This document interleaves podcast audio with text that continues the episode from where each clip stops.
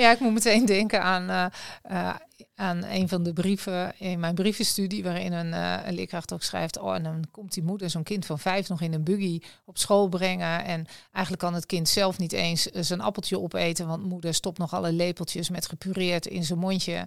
En nou, dat is een beetje wat je bedoelt. Ja, dit, dit ja. Ja, ja, ja, dat is het, ja.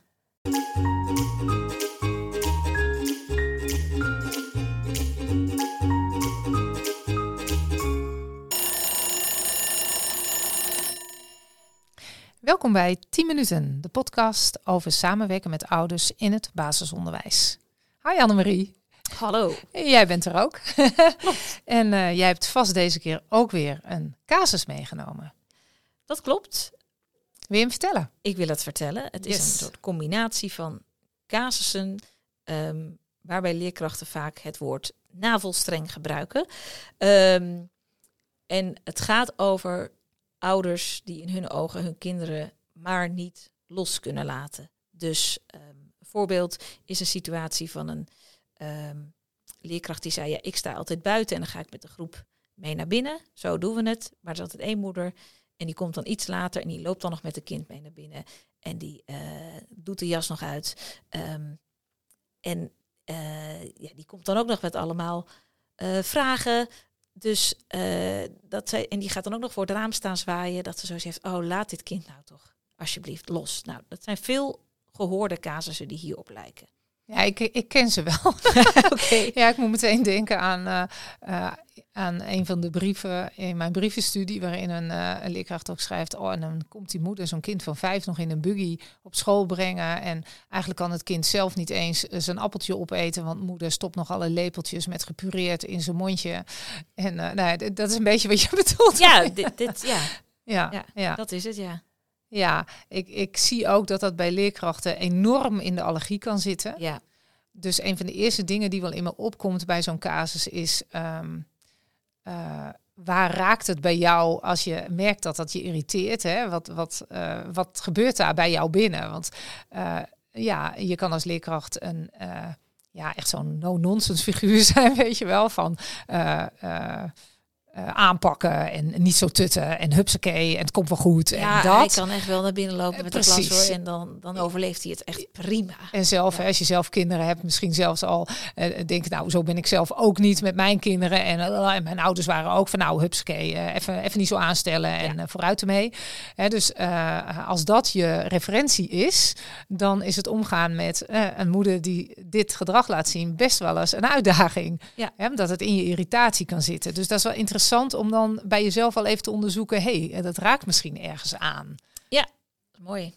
Nou, en vaak zit er ja. ook wel een zorg voor het, voor het kind in, merk ik. Dat ze het kind zo gunnen dat hij, dat hij iets meer los wordt gelaten. Omdat ze dan eigenlijk ook zeggen, ja, en als die moeder dan uh, gewoon weg is, dan gaat het gewoon veel beter met dat kind dan als die moeder er nog bij staat. Dus ik gun dat kind ook zo dat hij ja. een beetje los van haar mag komen. Ja, en dat kan ook weer heel erg raken aan het beeld wat de leerkracht heeft van wat goed opvoeden is en wat goed opgroeien is. Ja, klopt. Hè? Dus dat is ook interessant, want uh, ja, ergens is dat natuurlijk ook weer heel subjectief, want er zijn vele. Uh, is dan vaak een oordeel van dit is niet goed, uh, of tenminste dat Precies. is hoe ze de, dit soort casussen vaak gebracht worden. Ja. ja, daar zit dan ook zo'n ja, eigen waardeoriëntatie op wat goed opvoeden is ja. onder. Ja, dus dat, dat is misschien sowieso wel een interessante aan, aan deze casus. En um, wat ik ook wel denk, ik zou ook heel benieuwd zijn van hoe komt het nou dat deze moeder dit gedrag zo laat zien? Hmm. Want ik kan me zo voorstellen, uh, dat, is, dat komt er ergens vandaan. Toch, lijkt mij. Het lijkt mij, ja, alles komt ergens vandaan, denk ik altijd bij gedrag van ouders, ja. Nou ja, je kan je, ik, ik kan me de bijvoorbeeld, ja, ik, ik, ik, ga maar een paar zijstraatjes in. Hè. Het kan bijvoorbeeld zijn dat dat kind uh, na de geboorte uh, ineens opgenomen moest worden in het ziekenhuis, heel erg ziek is geweest, misschien wel drie maanden uh, in een couveuse heeft gelegen. en dat dat een soort trauma is voor die moeder. Hè, dat kan. Dat, mm. dat, het kind, dat het kind daardoor heel erg beschermd wordt. Of um, misschien heeft die moeder zelf in haar jeugd wel meegemaakt dat haar ouders die zorg juist niet gaven, waar ze heel erg naar verlangd heeft als kind. En, en zij heeft zich voorgenomen, nou, dat ga ik in elk geval anders doen met mijn kind. Dat, dat weet je natuurlijk helemaal niet. En wat zou, wat zou jij er dan mee doen in zo'n situatie? Want ik merk, die leerkracht heeft daar last van. En ik snap ook okay, dat stukje uh, reflectie van... oké, wat maakt nou dat ik dat zo lastig vind? Volgens mij heel relevant. En er zit ook vaak een of een gunnen naar het kind bij. Of in dit geval, ja, ik heb er eigenlijk ook last van. Of de ander, dat dat als enige, dat die enige dus ook dan nog uh, later is en een andere behandeling krijgt dan de andere kinderen. Ja, en dan kan dat ook. Dan aangaan? Sorry. Ja, um, nou nog even een ander ding, want er kan ook nog de zorg uh, onder zitten, een zorg onder zitten van de leerkracht, namelijk hij moet straks wel uh, mee naar groep drie. Hè? En, en dan, gaat, uh, dan is er echt niet meer de mogelijkheid om eindeloos met je appeltje te tutten of met je pureetje.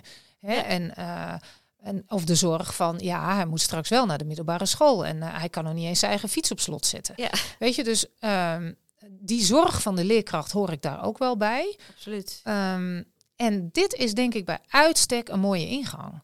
Hè, als je de oude vraagt van, goh, kom eens even, kom eens even met me kletsen. Want ja. hè, ik wil je toch even uitnodigen om even uh, op gesprek te komen. Wat wil deze ouder wel?